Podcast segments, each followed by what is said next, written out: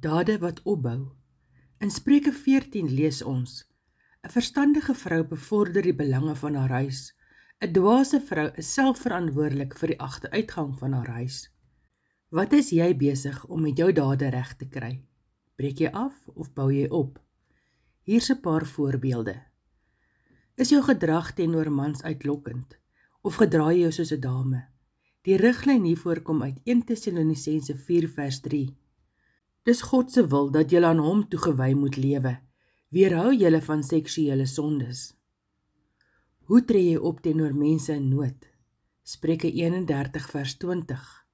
Haar hand is oop vir die armes. Sy is vrygewig teenoor behoeftiges.